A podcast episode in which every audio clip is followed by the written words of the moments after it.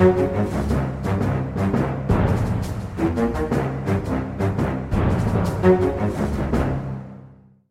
og da ønsker vi velkommen til en ny utgave av Aftenpodden. Vi er tilbake etter sommeren.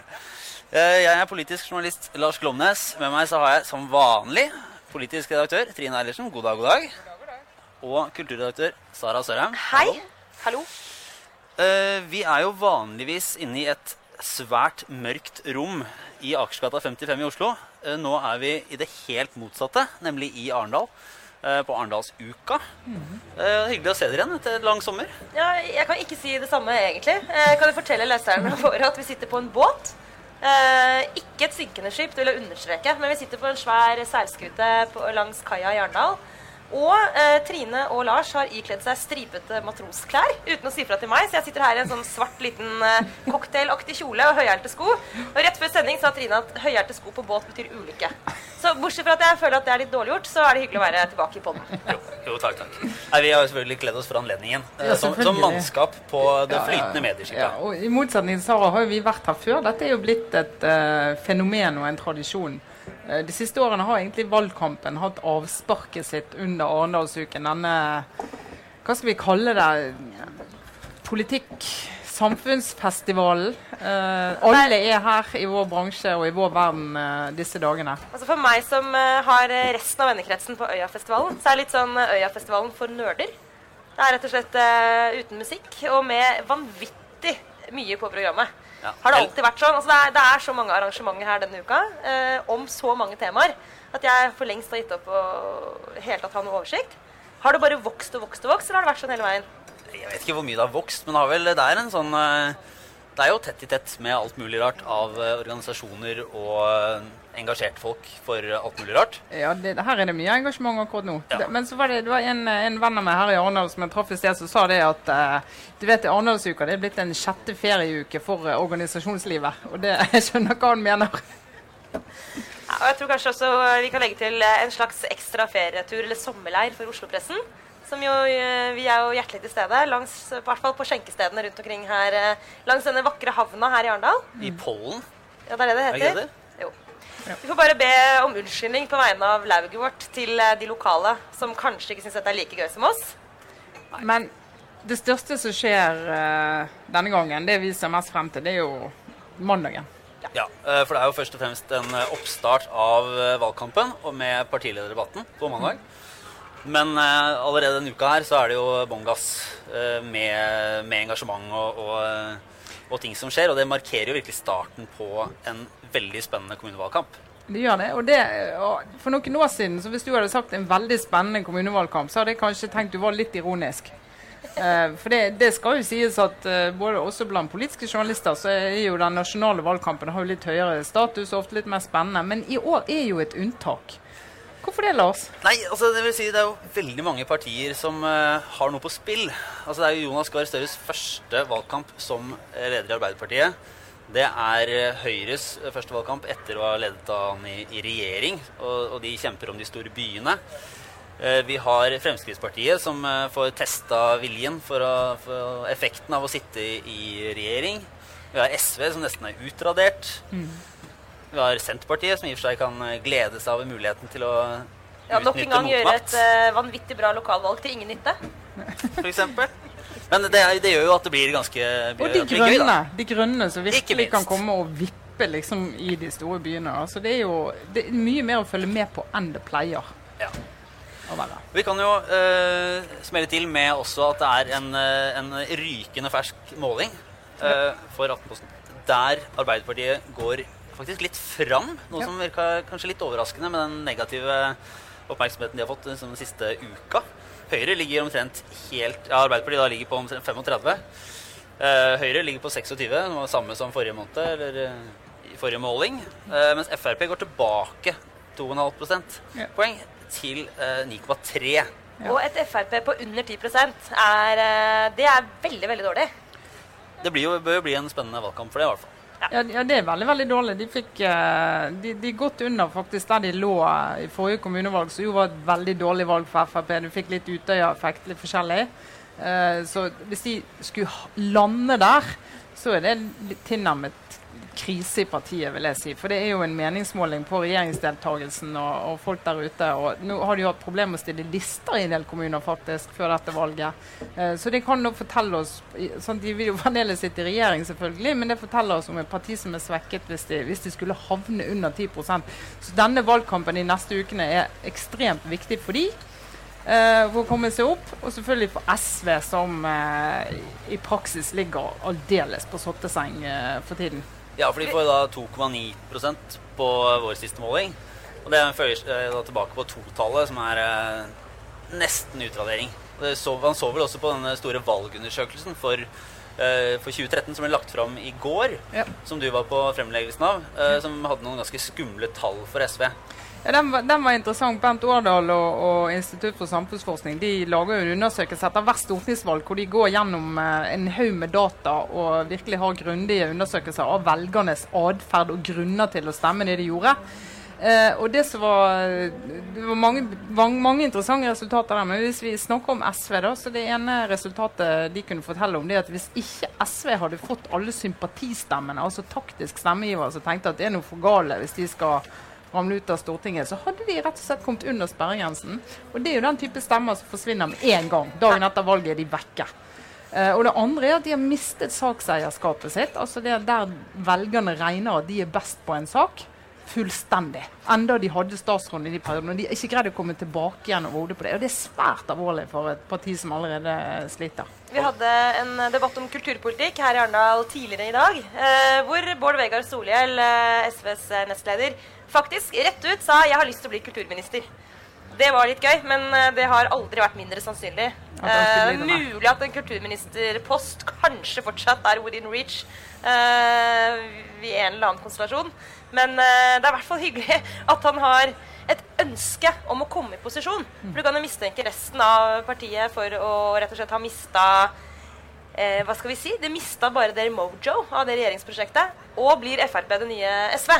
Det lurer jo vi på. Ja, det lurer vi på. Hva betyr det for Siv Jensen hvis, uh, hvis Frp får et, eh, et, valgresultat på under 10% Nei, altså, Det sånne ting gjør, om partiledelsen vil eller ikke, det er jo at det blir satt i gang sånn eh, selvransakelse. Mer eller mindre bevisst i partiet. Hvorfor går det så dårlig? Og Da begynner du å få de diskusjonene om gjennomslag i regjeringen, og at de sitter i kommuner med eiendomsskatt, og at de sitter i regjering og ikke greier å unngå det, og det er bompenger, og det er hele, hele smørja. da. Eh, så det blir liksom dette veldig eh, spenstige partiet som var i opposisjon, og kunne løse alle problemer.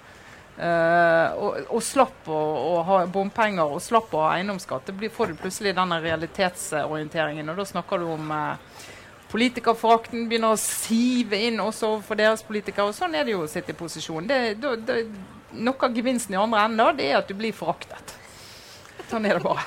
Hvis jeg skal uh, ta ta en liten, uh, liten sjanse. Hvilke av, uh, hvilke av partilederne er det som sitter løsest ved et uh, dårlig resultat? Dette har jo ikke vi forberedt, Lars. Nei, Dette er skummelt å snakke om. Det er skummelt å snakke om. Det blir vill spekulasjon. jo, jo, som det... alle andre diskusjoner. Dette, kan jo gå helt galt. Ja. ok, Audun Lysbakken sitter løsest. Han sitter løsest, ja. ja. Det, er, det er en no-brainer, er ja. ikke det? Hele partiet sitter løst, kan du kanskje si, men um... altså, Det kan hende Audun Lysbakken er svaret, altså. Så det ja, det kan, det kan hende. Altså, sentrumspartiene de ligger nå der og lunker, og de kommer til å havne sånn noenlunde der vi ser nå, tror jeg. De er jo sterke i Senterpartiet kommer sikkert til å overraske positivt. Uh, særlig hvis du får en kommunereformdebatt. sant? Og der fikk jeg sagt det ordet, Sara. Endelig. Ah, ja, ok, Til våre kjære lyttere. Så det jeg har prøvd å kjempe mot uh, uten å lykkes. Jeg ser nå jeg kommer til å tape, at vi skal snakke mye om kommunereformen i denne utgaven av Aftenpodden. Og ikke bare denne utgaven. For alltid. Hele høsten, kanskje resten av mitt liv. Kommer kommer til å være preget av Trine Eilertsen, som snakker til meg om kommunereformen. Som ifølge Trine er en sak som har alt. Ja, den har alt. Eh, og som du gleder deg som et barn til at vi skal Ja, vi kan egentlig bare ta det med en gang, så blir vi ferdig med det. Ja, vi, eh, ja. skal snakke om eh, Eller ødelegger vi kan gå via Arbeiderpartiet. Dramaturgien er veldig løs, så, så, så det, det, går absolutt an. Jeg har i så fall behov for å få revet av det plasteret. og høre Trine en gang for alle fortelle meg hvorfor kommunereformen Har alt. Ja.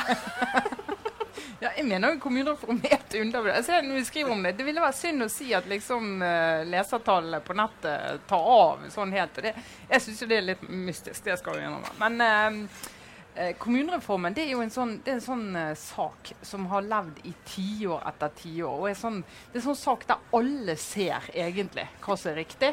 Og så er det masse sånn politisk spill og styr som gjør at det ikke skjer. Og masse følelser. Det er lokalpolitikk, det er nasjonalpolitikk, det er politikk inni partier. Det, det er magisk. Kan ikke du bare først bare gi sånn kjapt fasit? Hva, hva, må, hva, må, gjøres? Nei, Det som må skje, er at vi må ha en reform som gjør at vi får færre og større kommuner. Og Dette her har jo utvalg helt siden 80-tallet, 90-tallet. Kristiansen-utvalget i 92, som Arbeiderpartiet da fikk, eh, fikk, nedsatt, eh, slo det fast veldig tydelig. og det Behovet for kommunereformen bygger egentlig på det som det utvalget gjorde, som regjeringen Brundtland prøvde å få gjennom i Stortinget, som Høyre skjøt ned mystisk nok. Har kun forakt over oss for det. Det er 20 år siden, og nå er vi på'n igjen. Og nå er rollen snudd. Nå er det Høyre og Frp i regjering som skal prøve å få dette gjennom. Og så sitter Arbeiderpartiet på utsiden da og gjør mye rart. Mye for, for, deg er kommuneformen en gave som bare fortsetter å gi? Ja. og den kommer til å fortsette å gi lenge, for det er jo ikke, ja. noe, det er jo ikke noe mål sånn i sikte. Nei, det er ikke uh, og Arbeiderpartiet har altså da lunk blitt mer lunkne på dette med tvang og tvinge kommuner som ikke ja. vil slå seg sammen. Hvorfor det? Har de blitt softe? Er det dialogstøre sin feil? Altså, jeg skjønner ikke. Arbeiderpartiet pleide å være liksom eh, hard i klypa-partiet. Jeg fatter ja, ikke at det Styringspartiet ja. begynner å ja, nei, altså det, er, det, er, interessant å se, for, det, og det har vært flertall på Stortinget for at får vi en kommunereform så må vi åpne for at vi på et eller annet tidspunkt kan måtte overstyre beslutningen til en enkeltkommune hvis det står i veien for uh, en fornuft som kanskje tre-fire andre kommuner og en region er enige om. Det var det flertall for. Så begynner partiene begynner å nærme seg Arbeiderpartiet landsmøte. Så begynner det litt sånn Ja, det med tvang, og ikke det er veldig sånn Høyre som driver med det. Og så begynner det å bli sånn Det blir markeringssaken overfor regjeringen. da. Helt absurd, egentlig. Hvis ikke Arbeiderpartiet får tvang, hvem er det da, tenker jeg. Men Uh, det får de da et landsmøtevedtak i vår som uh, vanner litt ut det de faktisk har gått til valg på, programmet, programmet til Arbeiderpartiet. Og så blir det litt sånn Ja, vi vil helst ha frivillighet og, og tvang hvis vi snakker om For det er hypotetisk spørsmål, sa Jonas Gahr Støre i et intervju i Aftenposten uh, denne uken. Og det finnes jo ikke noe hypotetisk med det. Det er jo så reelt som det kan få blitt. Men er, altså for han føler jeg alle spørsmål er ikke bare et spørsmål. Altså det er veldig sånn typisk at det er et hypotetisk spørsmål. Der det er noe annet med et fremmedord knytta til det. Og det er jo for meg nå bare en, et desperat forsøk på å få pensa samtalen over på Jonas. Som jeg syns er litt morsommere ja, enn eh, struktur til person. Ja. ja, fordi ja. det er valgkampstart her i Arendal nå. Uh, men den har tjuvstarta med faktisk interessant bare en kjapp snartur innom akkurat det mer strategiske. At Høyre og Arbeiderpartiet hadde en partilederduell mellom Solberg og Støre i egen regi mm. eh, nå i forrige uke. Som de i hvert fall på Arbeiderpartiets side sikkert trodde var en god idé. Men så for Jonas uh, sin del ikke, ikke, ble noe heldig. Han var ikke noe bra i den duellen med de, Erna. Ja, de fleste som så den, og i hvert fall skrev om det, inkludert deg, mente jo at uh, Støre tryna ganske bra. Ja, nå, er fordel kanskje med den at, at, alle som så han skrev om han. Det var ikke så mange som så han da, for det var uh, i lukket selskap. holdt jeg på å si. Ble streamet litt rundt omkring. Men han ble heldigvis for Støre ikke sendt uh, på NRK eller eh, TV 2. Eller på nett-TV på NRK faktisk ble han sendt. Men uh, nei, altså da skjedde det rare at etter den debatten så har de, landets forskjellige redaksjoner begynt å kjøre faktasjekk på Jonas Gahr Støre. Så det var, det var mye, mange utfordringer vi trodde han skulle få. men at han liksom skulle rote litt med fakta og eksemplene sine.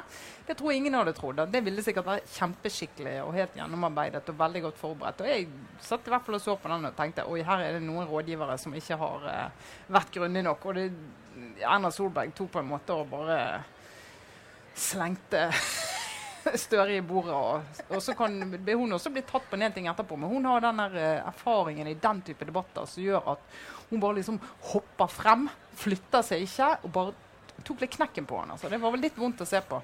Og jeg synes også eh, for så vidt, eh, for å bare for en gangs skyld skryte litt av vår kollega i VG, Fridtjof Jacobsen tror det var han som skrev at eh, Støre har en utfordring i at han, for å få tenning Så langt så virker det som han må bli litt sinna for å få tenning i debatter. Og det er, ikke, det er ikke en god måte å forholde seg til sin motstander på. Mens Stoltenberg hadde den egenskapen at han klarte å bli engasjert, men blid. Han var blid og engasjert. Og det trenger du ikke å ta lederkurs for å skjønne at sånn generelt er en uh, ting folk liker bedre enn en sur og engasjert. Nei, og så er det noen politikere som blir bedre når de er litt sinte. Eh, men Jonas Gahr Støre er kanskje ikke blant dem. Altså, jeg kan huske da eh, Hadia Tajik tok for seg Mazyar Keshvari eh, på Debatten. Ja. Og hun viste liksom at hun så at hun ble ordentlig forbanna.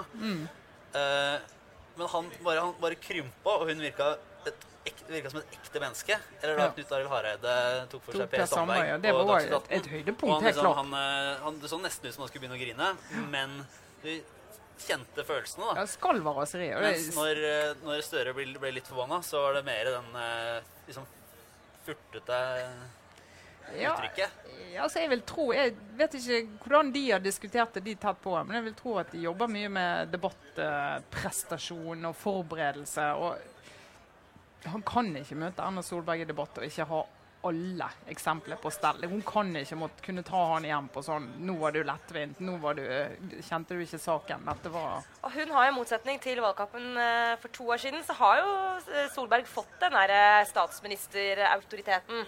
Uh, hun har jo den uh, evnen til at hun kan ljuge så hun tror det sjøl, og så vi tror det. Om hun ikke er helt sikre på faktaene. Hun har den der tilstedeværelsen nå, i debattene som gjør at hun har blitt en eh, jeg tror hun er en veldig vanskelig dame. Altså, jeg ville aldri i livet møtt eh, henne i, i debatt med mindre jeg var ekstremt godt forberedt.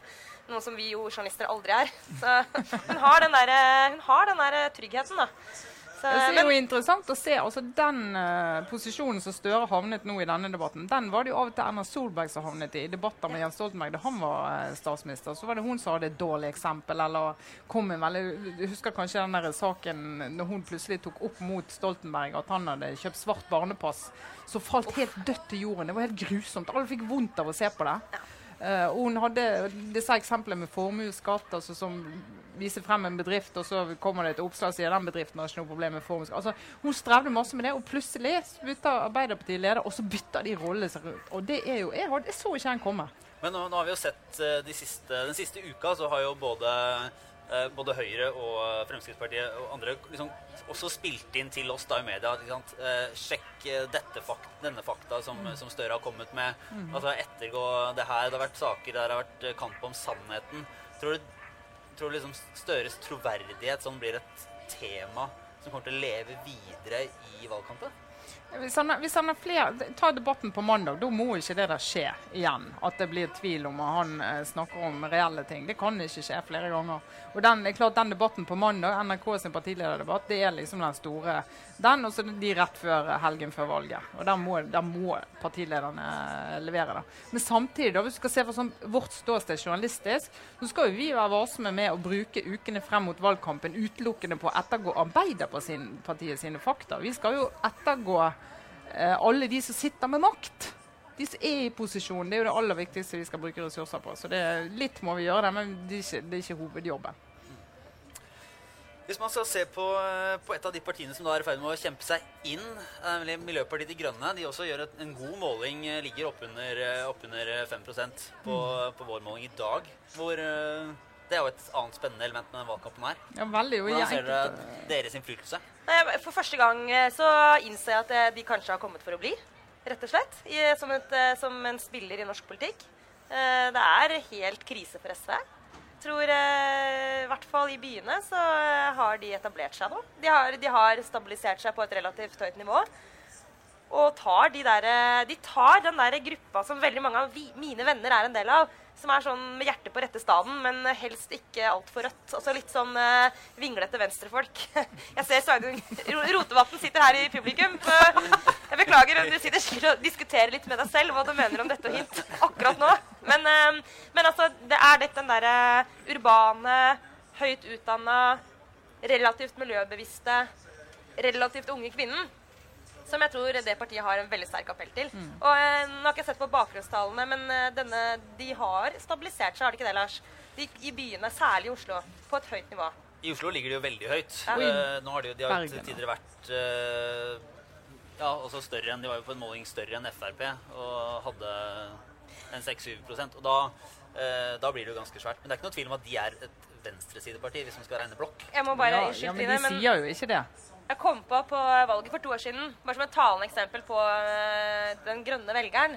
Jeg var på valgvake med en ganske stor mengde folk, hvor nesten alle var sånn Ja, de var på midten. De var det vanlige mainstream norsk politikk, men det var mange Arbeiderparti-velgere der. Og så var det en av dem som nå hadde stemt Miljøpartiet De Grønne. Og det innrømte hun etter mye press. Eh, og var, hun innrømte det rett før Siv Jensen gikk på scenen i den berømte kjolen dere vet. Og hun ropte den, jeg orker ikke engang, altså, Hun ropte 'Morna, Jens' på det grusomme viset. Og se ansiktsuttrykket til venninnen min, som skjønte at hennes naive tro på at uh, hun kunne gjøre verden til et bedre sted gjennom å stemme på De Grønne, hadde liksom banet vei for dette monsteret som liksom uh, Ja. Det, det ansiktsuttrykket, det, det, er for meg, det definerte liksom valgkampen for to år siden. Eh, og også problemet med det partiet. selvfølgelig. At Velgerne deres er jo, som du nå skulle til å si, mange av dem er vel trygt plassert på venstresiden. Ja, både òg. Du er litt de Tesla-velgerne, Tesla som jeg kaller dem. De litt sånn type sånn mann-ingeniør, eh, Tesla-kjører, men som er opptatt av klima og miljø, og sier det at ja, selvfølgelig barnehager, alt det der er viktig, men det aller viktigste er miljø og, da, og klima. Og da er det noen må, noen må, sørge for at den saken er på alle i alle diskusjoner. Da er det de grønne. Så får de andre bare sørge. Det, det, grenser for hvor galt det kan gå med alt det andre. Men det må vi få. Der har SV sviktet, og Venstre sviktet. Sant? Mener en del av de velgerne. da. Men eh, når vi lager eh, podkast, så er vi jo eh, svært gode på sånne linker over til det andre, andre, andre temaet. Over, overganger. Gode, men vi har nå tenkt gjennom et par overganger. For det gjør man, det gjør man i proffe radio- og TV-sendinger. Ja, ikke sant? Det har vi hørt. Men det er jo da, altså Miljøpartiet De Grønne er jo kanskje den fremste eksponenten for den der, partiene eller politikerne på utsiden av det etablerte politiske systemet. da, Og det ser man jo nå i USA i veldig stor grad med Donald Trump. Mm. Som, uh, som, gjør suksess og fanger opp misnøyen hos mange som ikke stoler på de andre politikerne. og så ser man det veldig spennende og interessant om dagen i Storbritannia. Der Labour skal velge en ny leder etter Ed Miliband, og det nå råder det fullstendige kaos. Altså, det er til og med faktisk Stoltenberg-Jagland-striden blir blek ja, eh, sammenligna med det, som nå eh, holder på å skje i eh, Labour. Og det høydepunktet hittil altså Det skal velges ny leder etter Miliband. De har gjort om på valgordningen i Labour. Det var tidligere en valgkomité, sånn som det er i de aller fleste norske partiene. Så vidt jeg vet ingen som ikke har noe annet enn en innstilling til landsmøtet. Ja, ja. Eh, som betyr at det er en viss makt en relativt stor makt i valgkomiteen og et ikke så sterkt eh, lokaldemokrati. Og det er mange gode grunner til å ha det sånn. Men Labour har nå lagt om eh, stemmemodellen, sånn at det er eh, alle medlemmer av partiet kan stemme, og hver stemme teller like mye. Så det er et flertallsvalg, rent flertallsvalg. Og eh, det som jo har skjedd, er at eh, ledelsen i partiet har mista kontrollen. Og det er altså den fantastiske skikkelsen Corbyn, Jeremy Corbyn, som nå seiler opp. Eh, og det har da fått Nå kommer jeg snart til poenget. Selv den mest forhatte politikeren i Storbritannia, selvfølgelig Tony Blair, til å komme frem. Og i går hadde han en eh, tekst på trykk i Guardian. Den må alle lese, som er litt interessert i politikk. Og, og, den har altså tittelen 'Even if you hate me'. Please don't push Labour over the cliff. Ja, altså det, Selv om du hater meg, ikke, ikke dytt Labour utfor stupet. Han skriver faktisk at hvis Corbyn blir valgt til Labour-leder, så slutter partiet å være et statsbærende parti. Det er slutten på Labour. Mange trodde at det var Tony Blair som var slutten på Labour, men det er altså ikke det. ifølge Tony Blair. Nå vil han, nå vil han i hvert fall få noen å skylde på. hvis det skulle... Nå er vi rett tilbake til old Labour. altså. Det ja. pre-Thatcher-fasen er vel det han egentlig snakker altså, om at vi er tilbake i. da. Nå virker jeg kanskje kunnskapsrik, men det skyldes eh, et eh, raskt Wikipedia-søk før vi gikk på lufta her. Men jeg kan fortelle at Corbyn ble valgt inn i parlamentet i 1983. Og han er 66 år gammel. Skolestil. Yes. Men, eh, Sara Faktaboks Sørheim. Men kanskje mer relevant, han er den ene MP-en som har flest ganger har stemt mot partiet i, i parlamentet. I perioden nå ble jeg imponert over meg sjøl her. I perioden 2010-2015 så stemte han mot Whippen, altså mot uh, flertallsavgjørelsen i Labour, i 25 av sakene. Det er sjeldent. Vi, vi, konstaterte vel her tidligere at uh, han er ikke så mye en løs kanon som en, en fastskrudd kanon i feil retning. Ja. Han skyter konsekvent på sine egne. Ja. Friendly fire. Ja. Totalt. Uh, han er selvfølgelig veldig godt planta ytterst på venstresiden i, i Labour. Han er Palestina-aktivist. Han var tidlig ute med Altså, han har blitt anklaget for å lefle med IRA altså tilbake på, på 80- og 90-tallet. Inviterte uh, Sinn Fein inn i parlamentet. Har, litt, litt, for tidlig. Litt for tidlig, Absolutt litt for tidlig. Uh, og så videre og så videre. Men han er også da en utrolig tilsynelatende sjarmerende og virkelig sånn Han har det der, han har det der elementet av sånn skikkelig hel ved ved seg. Og det var et bilde, jeg vet ikke om noen, noen av dere så det, men eh, en eller annen tilfeldig T-banepassasjer så han på T-banen på vei hjem i liksom rushet i London her en kveld. Eh, han står liksom og holder seg i en sånn T-bane hva er det for noe, stang og ser skikkelig sliten ut og står blant folk flest. Og ble tatt bilde av uten å vite det selv. Og eh, han som tok bildet, skrev på Twitter her står min MP. En vanlig fyr som tar T-banen hjem sammen med vanlige folk. Eh, og det er selvfølgelig et uttrykk for politikerforakt. Han fremstår plutselig nå som den eneste valgbare fordi han ikke er eh, korrupt, eh, korrupt svin. Og så, så kan det jo sies at det er jo enda mer spektakulært også, fordi den konservative avisa Telegraph gikk jo ut og anbefalte sine lesere, da, som stort sett er konservative, å melde seg inn i Labour eh, for å da eh, støtte kuppet til Remy Corbyn. Og Ja. nå måtte da eh, Labour utsette fristen eh, for å stemme, fordi de må finne ut hvor mange som har infiltrert partiet. Og da begynner det å ligne noe. Ja, Å, det er så deilig. Det er Ja, helt, det, det er eh, helt topp. Det er virkelig helt topp. Jeg kjenner jeg blir litt misunnelig. Og vi prøvde å finne en norsk parallell. Bare prøve sånn tankespill. Kunne vi sett for oss noe nå? Hvis Hallgrim Berg gikk for lederrollen i Høyre og klarte å mobilisere opp der, så kom inn kom fra inn, Høyre, eh, og- og fikk med seg en base, eller Grete Knutsen i Altså, bare Arbeiderpartiet. se for deg jo Sigbjørn eh, Aanes på statsministerens kontor. Sitter og bare ser foran øynene hans at Hallgrim Berg bare vosj eh, kommer inn og, og tar ledervervet. Altså Hva det ville gjort med hans hode.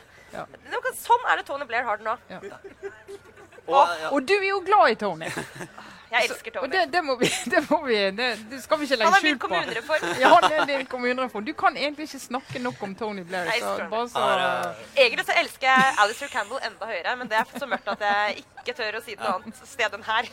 Han skrev også et innlegg mot eh, Corbyn her eh, for to dager siden, faktisk. Som eh, også er verdt å, verdt å lese. Eh, det er i september, eh, i begynnelsen av september, tror jeg, at eh, valget i Labour er klart. Jeg foreslår at vi lager en spesialutgave av Aftenpodden den Om, dagen.